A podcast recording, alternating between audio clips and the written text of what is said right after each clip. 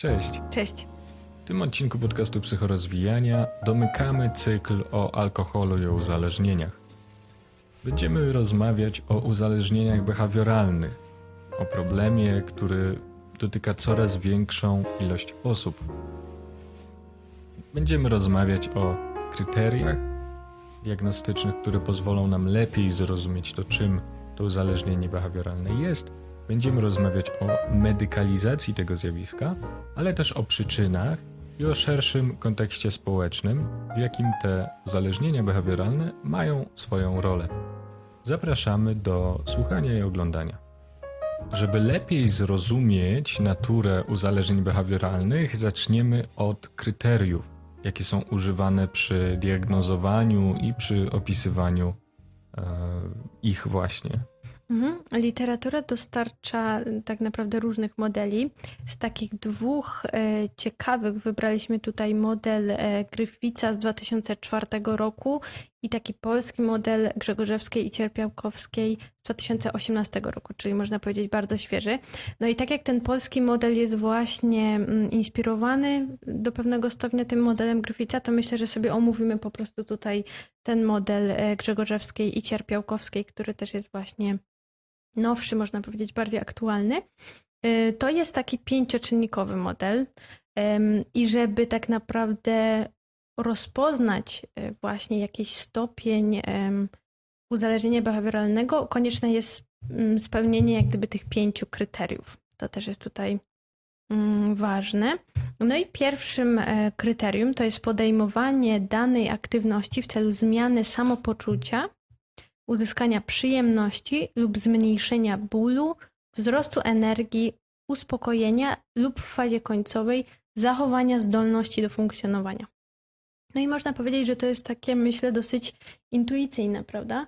To, co mm, podoba mi się jak gdyby w tym kryterium, y, to to, że z jednej strony jest to uzyskanie przyjemności, które kojarzy nam się z uzależnieniami e, behawioralnymi, jest jak gdyby takim mm, właśnie intuicyjnym e, rozumieniem, natomiast e, jest tutaj też ten aspekt zmniejszania bólu, który jest jak gdyby bardziej w tle, mam wrażenie, uzależnień behawioralnych, a jest to ważny komponent.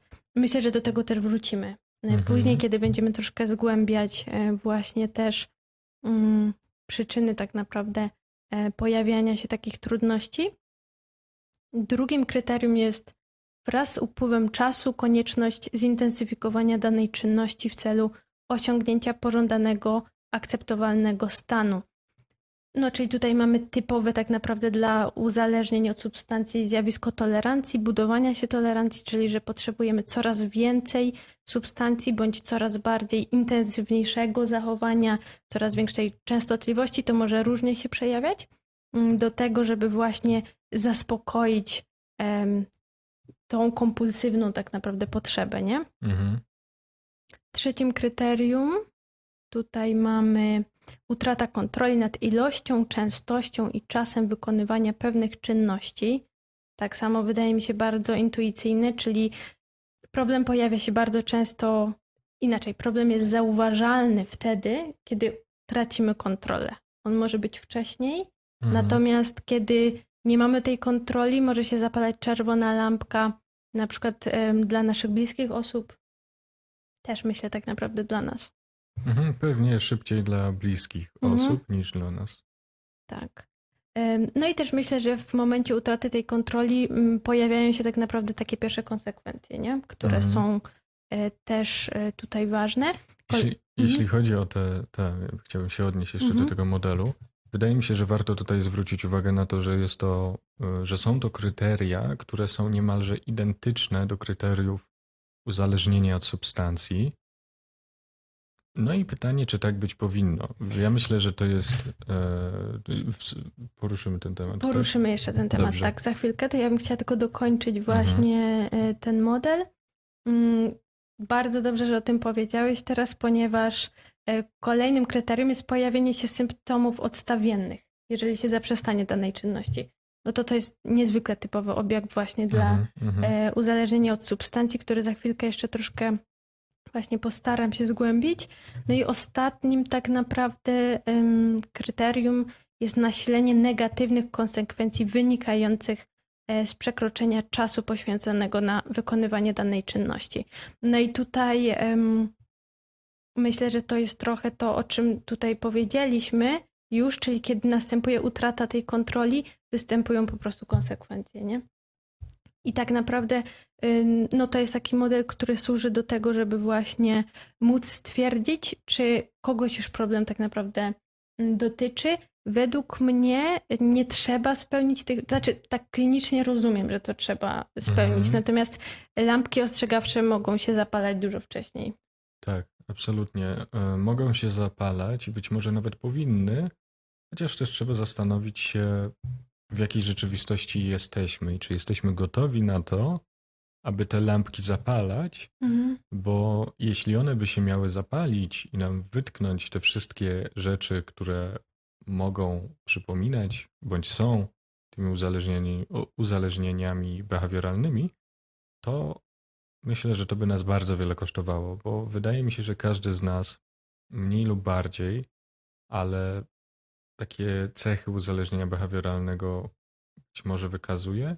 No jest to też kwestia taka bardzo płynna, tak? Bo zależy, jakie korzyści ma się z wykonywania danego działania, no i jakie koszta się ponosi. Często jest tak, że te korzyści są większe niż koszta, nawet jeśli ma to znamiona tego uzależnienia, prawda? Mm. No bo to nie jest przypadku... substancja, która mm, tak. rozwala, nie wiem, wątrobę czy serce, czy po prostu prowadzi do śmierci, tylko to jest mm, ogłupianie się siedzeniem e, przed telefonem na przykład. Na przykład albo jeszcze taka bardziej pożądana jak gdyby w naszym społeczeństwie jak gdyby sytuacja, czyli chociażby pracoholizm.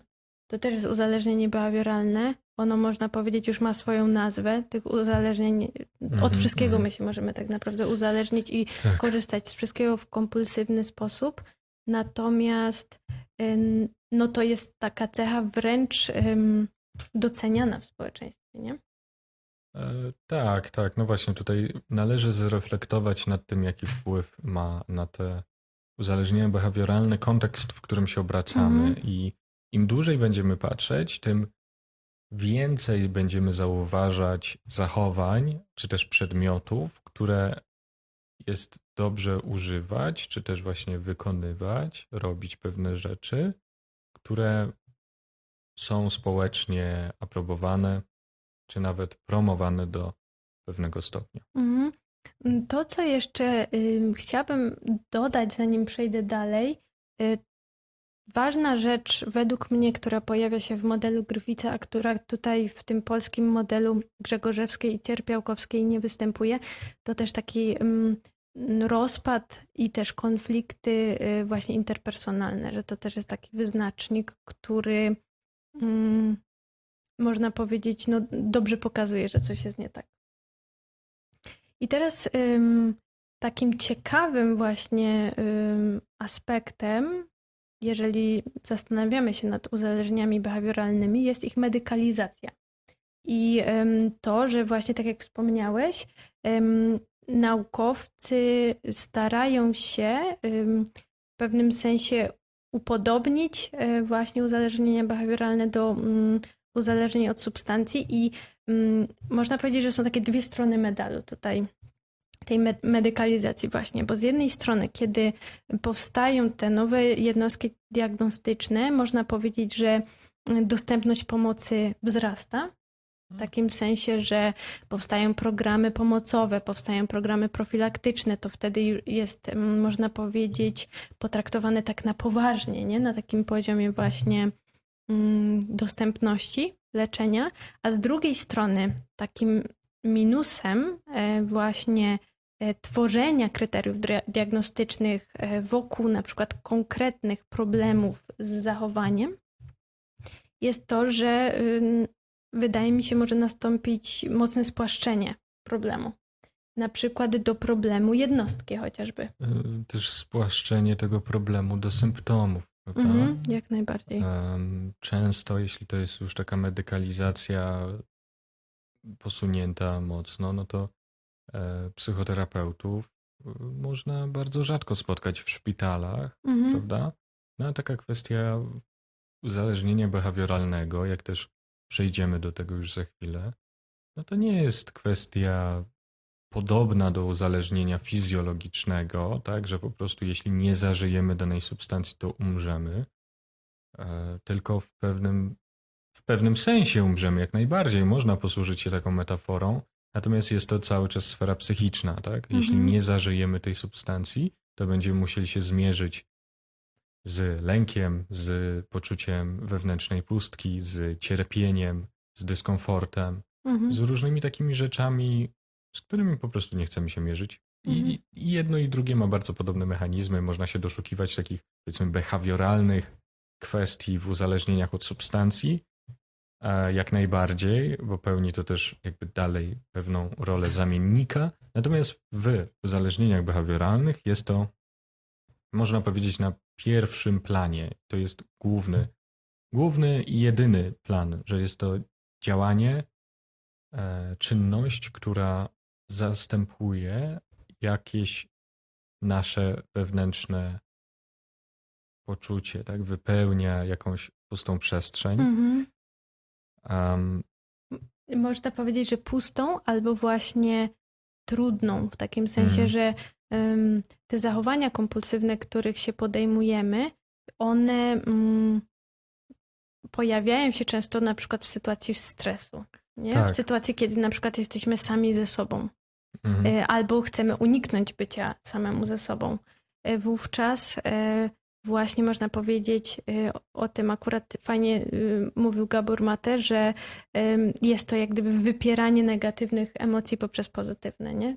Mhm. Czyli właśnie nakierowane na tą przyjemność. Mhm.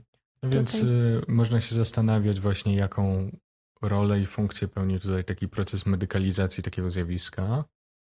Em, no i czy to jest pozytywne i jakie będą konsekwencje tego? No można się nad tym zastanawiać, natomiast em, nie patrzyłbym na to w sposób taki jednoznaczny, prawda? Mhm. Jak najbardziej. No i tutaj jeszcze tam mm, myślę, że można napomknąć, że właśnie badacze a propos tego też e, wskazują na to, że te kryteria diagnostyczne mm, właśnie y, osoby, które są odpowiedzialne za to, tak właśnie na siłę starają się upodobnić do tych e, właśnie mm, uzależnień od substancji. Tutaj dobrym przykładem są na przykład objawy odstawienne, o których ty już wspomniałeś, więc może ja nie będę tego rozwijać. Natomiast Ale może warto jeszcze to powtórzyć. w takim sensie, że przy objawach odstawiennych em, różnych substancji pojawiają się różne bardzo charakterystyczne e, takie biologiczne reakcje. Przy e, uzależnieniach behawioralnych, no to nie jest tak uciążliwe, można powiedzieć. Mm, Na przykład przy odstawieniu bodajże kokainy pojawiają się bardzo duże trudności ze snem i na przykład zwiększony apetyt, jakoś tak Mhm, mhm. bardzo silnie. Natomiast tak naprawdę przy tych y, uzależnieniach behawioralnych to są głównie ym, tak naprawdę psychologiczne objawy, czyli wzrost lęku, który, którego się próbowało tak naprawdę uniknąć cały czas, prawda? Mhm. Albo y, wzrost frustracji, jakaś zwiększona drażliwość. To są y, objawy, które również występują y, w uzależnieniach od substancji jak najbardziej. Natomiast y, z kolei te uzależnienia behawioralne niekoniecznie mają tak typowe objawy jak konkretne substancje. Mhm, mhm. Dążenie do właśnie przypisywania uzależnieniom behawioralnym tych cech uzależnienia od substancji jest działaniem, określiłbym je mianem kontrowersyjnego, bo sprowadza się to do pewnego już y, mocno rozwiniętego procesu e, właśnie medykalizacji problemów y, natury psychicznej, tak? Do podchodzenia do psychiki ludzkiej w taki sposób, że każdy problem można załatwić za pomocą leku. No i jest to pewien proces, który, który jest bardzo już, już y, rozwinięty, jeśli chodzi o depresję na przykład.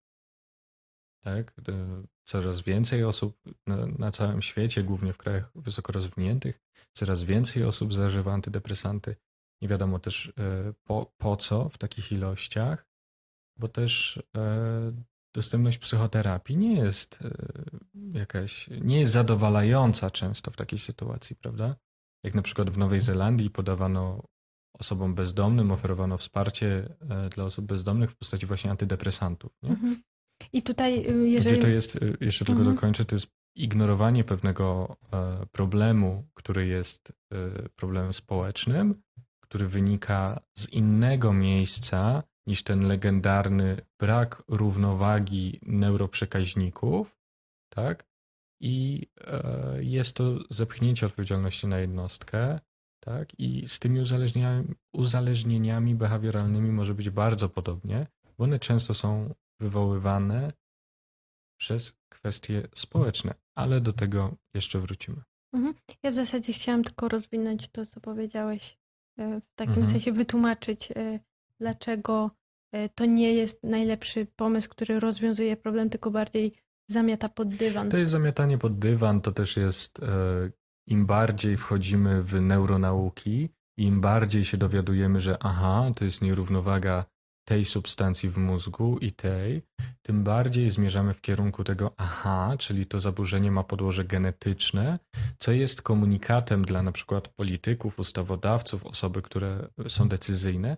To jest komunikat o treści, wiesz co, te osoby będą mieć problem i tak, i tak. Niezależnie od tego, jak będzie skonstruowana ich rzeczywistość. Niezależnie dokładnie, więc nie ma sensu inwes- in- inwestować w infrastrukturę medyczną, e, społeczną, po prostu e, edukacyjną, tak? Nie ma sensu e, próbować wyciągać te, te osoby z, nie wiem, kryzysu bezdomności, Mhm. z kryzysów psychicznych. Nie ma sensu restrukturyzacja społeczeństwa i takie zmiany systemowe, no bo przecież to są kwestie genetyczne, więc z nimi się nic nie zrobi. Więc o tyle jest niebezpieczne przedstawianie tylko jednej strony tego medalu, że no są jakieś może czynniki genetyczne, czy są może jakieś substancje, które odpowiadają za coś, bo też warto wspomnieć,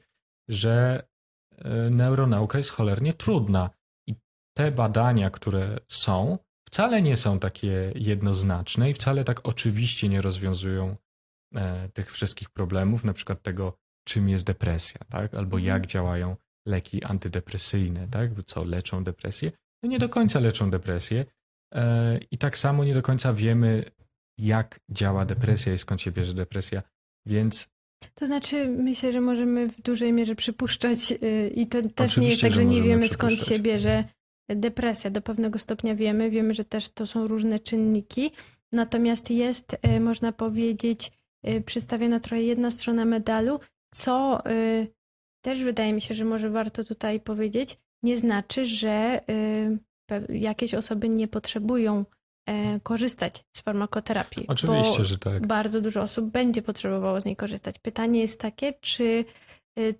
to, co mamy teraz, to jest optimum. Jeśli, najprawdopodobniej nie jest. Tak, bo tutaj e, idąc jakby tym tokiem myślenia, nawet przyjmijmy, że po prostu depresja to są e, problemy z serotoniną i dopaminą, po prostu, że to jest tylko i wyłącznie to, to jakby te problemy z serotoniną i dopaminą bardzo często biorą się z sytuacji zewnętrznej, ze stresu, jaki się pojawia w sytuacji e, ogromnych wymagań w pracy, ze stresu, jaki się wiąże z tym, że jeśli przestanę pracować, to momentalnie stracę dach nad głową. Tak? I em, jeśli pomijamy tą realną przyczynę depresji, czyli zmiany w świecie rzeczywistym, w sytuacji życiowej danej osoby i skupiamy się tylko na tym braku równowagi e, neuroprzekaźników w mózgu, no to pozostawiamy wszystkie te problemy zupełnie im samym i tylko chodzi nam o to, żeby wypchać z powrotem tą osobę w ten sam świat, tylko teraz jest uzależniona w tym znaczeniu, że musi Zależna od jest czegoś. zależna od, od leków, tak, żeby funkcjonować, to musi zażywać e, te leki, nie? Więc jakby... Przy czym jeszcze jak gdyby skuteczność y, też leków na depresję nie jest jak gdyby wcale taka oczywista, ponieważ na przykład kontakt z naturą. Są takie badania, które mówią o tym, że kontakt z naturą ma podobny, taki świadomy, są takie mm, konkretne, można powiedzieć, metody na kontakt z naturą terapeutyczne, które mają podobny, podobne antydepresyjne działanie, prawda? Także to też chciałabym, żebyśmy nie y, zabrzmieli tutaj jako osoby, które na przykład są przeciwne farmakologii, ale bardziej chodzi mi o to, żeby dostrzec, że to, jak to teraz funkcjonuje, to nie jest y, coś, co. To jest bardziej takie zaleczanie, ja bym chodzi, to tak nazwała. Tak, chodzi o pewien poziom krytycyzmu mhm, wobec tak. tego, co nas otacza. Nie jest tak, że psychiatria, farmakologia, że to są rzeczy, które są po prostu odrębne od chociażby polityki. Mhm, tak. To są rzeczy, które głęboko podlegają polityce. Tak? Przypomina, weźmy pod uwagę to, że e, firmy farmaceutyczne też e, z czegoś e, chcą żyć. Tak? Już nie będę rozwijać tego tematu. Być może jest to temat na um, osobny odcinek, ale za, zakończę tą dygresję, która się trochę przeciągnęła, tym stwierdzeniem, że chodzi o pewien krytycyzm mhm. oparty nie o myślenie spiskowe, tylko o no, rzeczywistość, tak? Na przykład kto, e, kto był w komisji akceptującej różne kryteria diagnostyczne w DSM-5, tak? I jaką część z tych osób e, stanowili farmaceuci czy przedstawiciele firm farmaceutycznych. Także kluczową kwestią jest krytycyzm, który często nie mamy. Którego często nie mamy. Mhm. Którego często nie mamy, a takie dziedziny właśnie jak psychiatria, psychologia, psychoterapia pełnią pewną funkcję w całej naszej, można powiedzieć, cywilizacji, w całym naszym społeczeństwie. I o tym mm, też trzeba pamiętać. Mhm. Ale zamykając to już, um, różnica właśnie pomiędzy osobą uzależnioną od substancji a uzależnioną behawioralnie jest taka, że osoba uzależniona od substancji ma parę tych substancji, tak? Może alkohol, tam heroina, marihuana. W pewnym sensie ograniczona ilość jest tych substancji. Tak, że nie, nie mhm. ma takiego dużego wyboru, prawda? To jest tam parę najbardziej dostępnych substancji, tyle. Z kolei osoba uzależniona behawioralnie może sięgnąć po bardzo wiele rzeczy. W pewnym sensie może lepiej dostosować do siebie to uzależnienie. I co to znaczy dostosować? Do czego dostosować? Ano do tego, że mm, wiele takich tendencji, predyspozycji do uzależnień behawioralnych wiąże się z e, pierwszymi doświadczeniami dotyczącymi miłości, samoregulacji, poczucia wartości i lęku. Tak, to jest e, niezaskakujące, mam nadzieję, już w tym momencie, powracanie do tych pierwszych doświadczeń e, z pierwszych etapów życia. Mhm. I tutaj mm, chętnie bym to rozwinęła w taki sposób, że to, co na przykład było adaptacyjne w dzieciństwie, na przykład sytuacja, w której jesteśmy pozostawieni sami i ktoś nie reaguje na nasze potrzeby, na przykład, nie? Bo, mhm. nie wiem, mama nie słyszy naszego płaczu, czy coś takiego. Ale na przykład y, słyszymy muzykę, która dociera do naszych uszu, to w pewnym sensie dziecko może zorientować się, że ono się może jak gdyby do tej muzyki, jeżeli ona jest na przykład przyjemna, dostroić. I w ten sposób, e, w bardzo adaptacyjny w tym konkretnym momencie właśnie sposób, dziecko może wyregulować się, dostroić na przykład do dźwięków, które docierają. I to jest w pewnym sensie takie kojarzenie tego, że ja się mogę regulować do czegoś z zewnątrz, co nie jest właśnie na mhm. przykład matką. Mhm. I to może być szereg rzeczy, natomiast jeżeli one właśnie na przykład będą powtarzalne, to one się, mm, można powiedzieć, usztywnią i na przykład w dorosłym życiu my, my nie będziemy potrafili się na przykład um, wyregulować sami, jeżeli nie usłyszymy na przykład dźwięków jakiejś muzyki, nie? Mhm, mhm. to jest taki przykład um, powiedziałabym, dosyć delikatny. To mogą być dużo e, takie bardziej e, zachowania, które w dorosłym życiu będą po prostu nieadaptacyjne. Natomiast to też może wiązać się z pewną trudnością, że ja po prostu nie jestem w stanie bez chociażby tej muzyki, poczuć się dobrze. Mhm. Bo nie zawsze ta muzyka będzie dostępna po prostu. Tak. E, Gabor Mate w swojej książce napisał takie bardzo fajne zdanie, że uzależnienie to droga do transcendencji, którą wybiera człowiek leniwy. I to słowo uzależnienie być może można też zastąpić e, albo dać slasha, tak, e, że albo, albo e, substancje też często, nie? Mm, no, co oczywiście wiąże się z uzależnieniem, ale być może niekoniecznie nim musi. W swojej książce również on pisze o wielu różnych uzależnieniach behawioralnych. Pisze między innymi o takich uzależnieniach, e, można powiedzieć, oralnych, e, czyli uzależnienie od jedzenia. On, on pisze o otyłości. Palenie papierosów. Palenie też, papierosów nie? Mhm. również. E, u dzieci chociażby ssanie kciuka. Być może można na to patrzeć w taki sposób.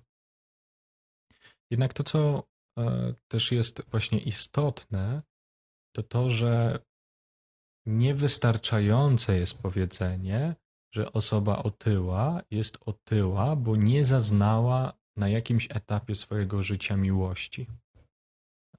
A takie y, rzeczy i podobne można spotkać w mm, tej książce. To znaczy, Gabor Mate, on tam troszeczkę różnicuje to, wprowadzając takie zdanie, że y, jeżeli to nie jest jakaś choroba, nie? Mhm. Mm, no natomiast też wydaje mi się to pewnym y, uproszczeniem. Tak, jest to, jest to pewne e, uproszczenie. Tam pojawia się takie zdanie, że właśnie otyłość to ciężki głód emocjonalny. No i bez wątpienia tak jest bardzo wiele osób, które chcą schudnąć, a nie za bardzo mogą i coś stoi im na drodze. Um, no, natomiast też trzeba pamiętać o tym, że przyzwalając na e, rozwój i dominację wysoko przetworzonej żywności, pozwalanie fast foodom i, i, i takim przeróżnym właśnie fast foodom, e, budowanie się i zakładanie lokalów, e, gdzie tylko popadnie, mm, brak sensownego e, wychowania fizycznego w szkołach, tak? To też są kwestie różne, kwestie technologiczne, tak? Mamy coraz bardziej siedzący tryb życia, mamy samochody, środki transportu, które nam ułatwiają przemieszczanie się bez używania siły fizycznej. To są też, y, jest bardzo wiele tych czynników zewnętrznych, które skutecznie nam też ułatwiają e, mniejszą sprawność fizyczną, nie? Mhm. E, także wydaje mi się, że też trzeba na to, mm, na to popatrzeć. Zróżnicować troszeczkę, Oczywiście, nie? że tak. Mhm. Tak samo uzależnienie od seksu e, mm, w dużej mierze może się brać z nadużywania seksualnego w dzieciństwie, co również właśnie jest prawdą, ale też e, trzeba zwrócić uwagę, jak też e, seks, jaką pełni funkcję w dzisiejszym świecie, tak? Można seks kupić, pornografia w internecie jest szeroko dostępna, tak? Więc jak uzależnienie od seksu, to trzeba też poruszyć temat uzależnienia od masturbacji.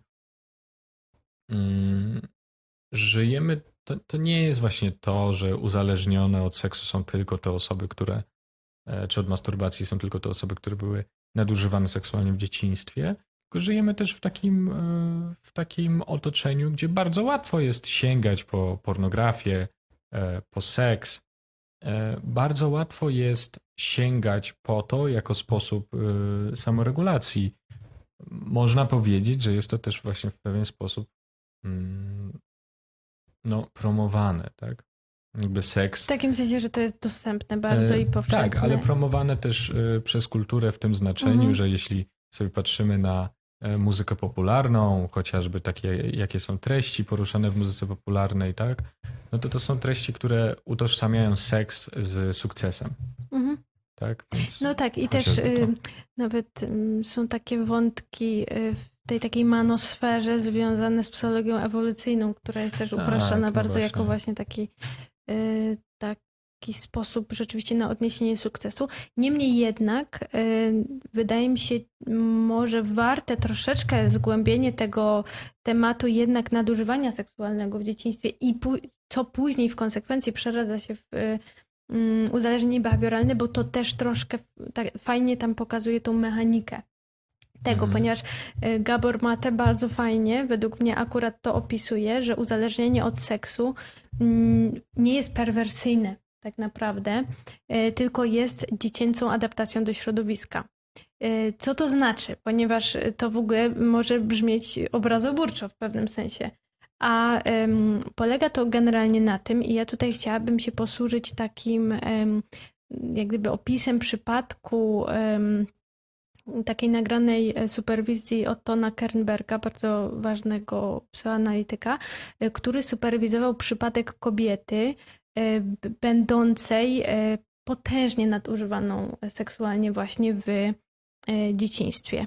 Mm, I tak naprawdę taka tragedia, która wydarza się w życiu takich osób, to jest to, że one uczą, żyją w takim środowisku rodzinnym, które uczy ich, e, że ta przemoc, która jest wobec nich stosowana, jest jedynym sposobem na przykład na okazanie miłości. Też, w tak, e, Też na bycie w kontakcie, na bycie bliskości. Bliskości, dokładnie. Kolejną rzeczą jest to, że można powiedzieć, że, że takie dzieci, które później właśnie wyrastają w takim E, no niezwykle traumatycznym tak naprawdę środowisku. Mm, one y, mm, i to też rzeczywiście było y, jak gdyby omawiane na tej superwizji, w pewnym sensie, y, w, pewnym momencie same tak naprawdę na przykład inicjują stosunek, nie? Na przykład z mhm. ojcem, ponieważ są e, po prostu tego nauczone te, ta kobieta, która właśnie e, ten przypadek był e, tam opracowywany, ona e, już była osobą dorosłą, miała trójkę dzieci i właśnie pojawił się bardzo duży problem, ponieważ ona nie wiedziała, w jaki sposób im okazywać tą miłość, nie? I mhm. zaczęła je tam jakoś zapraszać razem do łóżka, żeby je uspokoić i tak dalej. No i tutaj wydaje mi się, że też dobrze to jest e, widoczne, że tak naprawdę to, co nam się wydaje osobom, które na przykład nie doświadczyły nigdy przemocy seksualnej, e, czymś e, na przykład nie do wyobrażenia, że na przykład dziecko, które wzrasta w takim domu, jak już jest nastolatkiem, na przykład inicjuje kontakt. No, no, dla mnie na przykład to było niewyobrażalne kiedyś. Nie? Teraz mhm. jak gdyby bardziej rozumiem, że to jest to, jest jedyny sposób właśnie na bliskość, tak jak powiedziałeś, na miłość, na, na jakikolwiek kontakt. E, no i właśnie w, i, i to jest ta dziecięca adaptacja tak naprawdę właśnie do środowiska. Czyli to, że tak naprawdę przed prawdziwą bliskością, taką dojrzale postrzeganą, taką jak możemy użyć, wydaje mi się nawet tego słowa zdrową bliskością, mhm. E, jest potężny lęk u takich osób. I stąd też e, właśnie e, w życiu dorosłym może pojawiać się uzależnienie behawioralne w postaci uzależnienia od seksu, ponieważ to jest jedyna, jedyna strategia, jedyny sposób na wchodzenie w jakąkolwiek relację, nie? Mhm. A przez to, że jest ten lęk przed bliskością, tą taką rozumianą w sposób zdrowy, e, to musi następować rotacja bardzo szybka partnerów, nie? Bo tak naprawdę nie ma miejsca na intymność. Jeżeli mhm. coś takiego, e, ten komponent intymności mm, by się pojawił, no to e, to jest zagrażające, nie? Bo mhm. to jest coś, czego takie osoby po prostu nie zaznały też. Tak. Mhm. Mm, te uzależnienia behawioralne to są nieprawdopodobnie złożone kwestie i wydaje mi się, jak pokazaliśmy, że trudno je sprowadzać do tych samych ram, co uzależnienia od substancji. Um, I tak podsumowując już, to właśnie widać, że te problemy, które rodzą substancje behawioralne, e, przepraszam, uzależnienia behawioralne, e, są często społeczne, relacyjne, często też wiążą się z dostępnością właśnie pewnych środków e, tak, do tego celu, czyli niezdrowego jedzenia, e, mnogości, łatwości e, w dostępie do wielu partnerów seksualnych czy partnerek, w dostępie do informacji, internetu, hazard, bla, bla, bla, tak?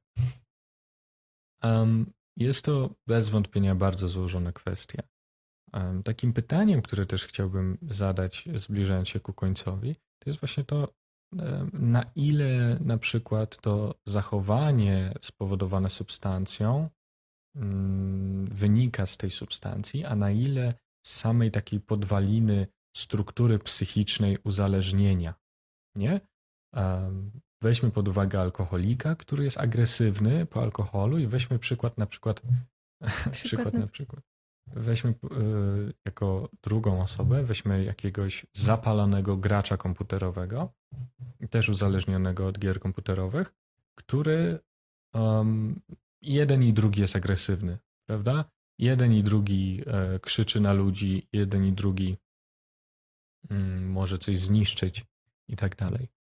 I no, z czego to wynika? Tak? Było też takie badanie, które pokazywało, że osoby po e, wypiciu alkoholu, tyle że myśleli, że piją alkohol, tak naprawdę pili placebo, to było bezalkoholowe tam piwo, mm, od razu przechodzili do, tej, do tego etapu rozhamowania, tak? I byli na przykład bardziej agresywni, e, mimo tego, że żadnego alkoholu w ogóle nie wypili, nie?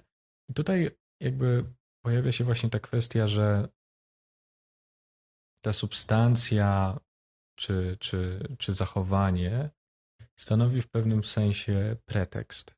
Tak? I myślę, że to jest bardzo, bardzo wyraźne. I pytanie też, no, co, co, co z tym zrobić, tak? Mhm. Ja też widzę to w taki sposób, że mm, właśnie za każdym uzależnieniem, mm, i to jakoś tak y, tutaj do mnie trafia mocno, stoi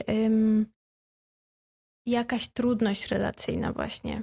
Mhm. W tym sensie, że my w relacjach uczymy się um, właśnie regulować, my się uczymy um, no tak naprawdę w relacji, jak, wzrastamy, to uczymy się siebie w pewnym mhm. sensie, nie? Uczymy doświadczać siebie. Doświadczać siebie, y, kontrolować siebie, regulować siebie i chodziłoby o to, żebyśmy byli w stanie to robić y, sami, bez użycia konkretnych rzeczy, a te uzależnienia behawioralne, one, tak to widzę, pojawiają się wtedy, kiedy ta samoistna regulacja świadoma lub automatyczna, wyuczona, y, nie zachodzi. My potrzebujemy y, czegoś z zewnątrz po to właśnie, żeby utrzymywać się w komforcie i w pewnym mm. sensie, jak już mamy do czynienia z uzależnieniem, to to jest tragiczne, bo najczęściej to właśnie też w tych relacjach się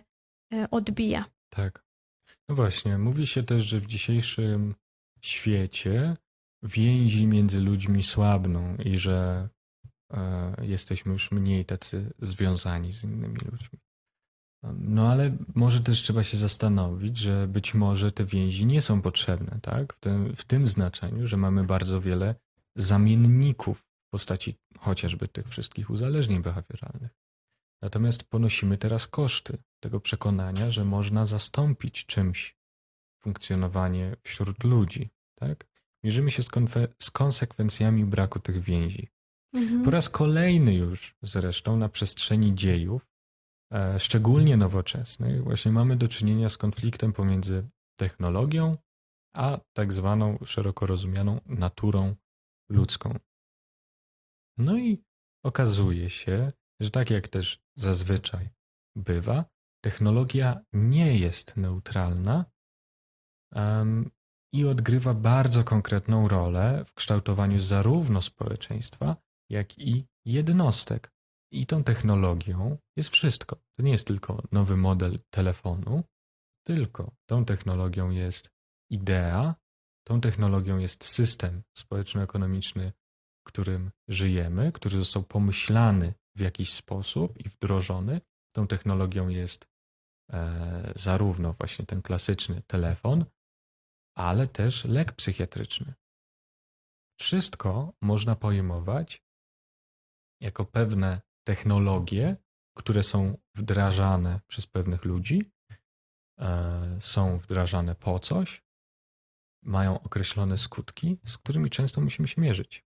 Mhm. I z którymi y, właśnie raz, że mierzą się społeczeństwa, mierzymy się społecznie, ale też właśnie mierzymy się bardzo E, indywidualnie, mhm. jednocześnie. Dokładnie. Dlatego też tak kluczowe jest integrowanie tych dwóch obrazów. Nie rozwiążemy problemu uzależnień um, tylko poprzez dawanie na odwyk człowieka, tak? Mhm. Alkohol jest wszędzie, będzie miał milion wyzwalaczy, tak? Nie rozwiążemy problemu uzależnień behawioralnych, tak? Poprzez samo danie kogoś na odwyk.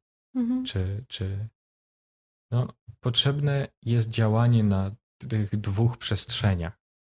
I nie jest wszystko uzależnione jednostkowo, nie jest wszystko genetyczne, nie wszystko jest takie proste, żeby to wyjaśnić prostą e, nierównowagą neuroprzekaźników i tak dalej, i tak dalej. Wydaje mi się, że kluczowe jest właśnie działanie na tych dwóch, albo nawet trzech, czterech, pięciu, ale na wszystkich frontach, jakie możemy sobie wyobrazić. Po to, żeby ludziom żyło się lepiej, żeby mogli żyć po prostu trochę zdrowiej, żeby mogli żyć właśnie bez tych uzależnień. Tak? Bez um, kompulsji. Bez kompulsji. No. no. Myślę, że w tym świecie teraz nie do końca jest to możliwe, ale na pewno mhm.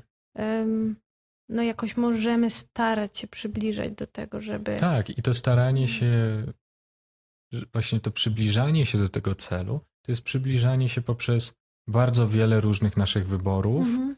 również wyborów politycznych. Powiedziałbym, że głównie wyborów natury politycznej, bo chcąc, nie chcąc, ale to są rzeczy właśnie przez y, politykę regulowane. Na a poziomie z drugiej społecznym. strony, tak, a z drugiej strony, ym, bo ty mówisz o tym szerokim kontekście, mhm. z drugiej strony możemy e, reflektować sami nad sobą, tak. zapalać te przyglądać może się bardziej, czy zapalają nam się te czerwone światła, czy obserwujemy w sobie jakieś zachowania, które no też jakoś nie najlepiej na przykład oddziałują na nasze otoczenie, tak. na nasze relacje, może na nas samych. Możemy, możemy się przyglądnąć sobie i, i zastanowić, dlaczego tak trudno jest być samemu ze sobą, nie?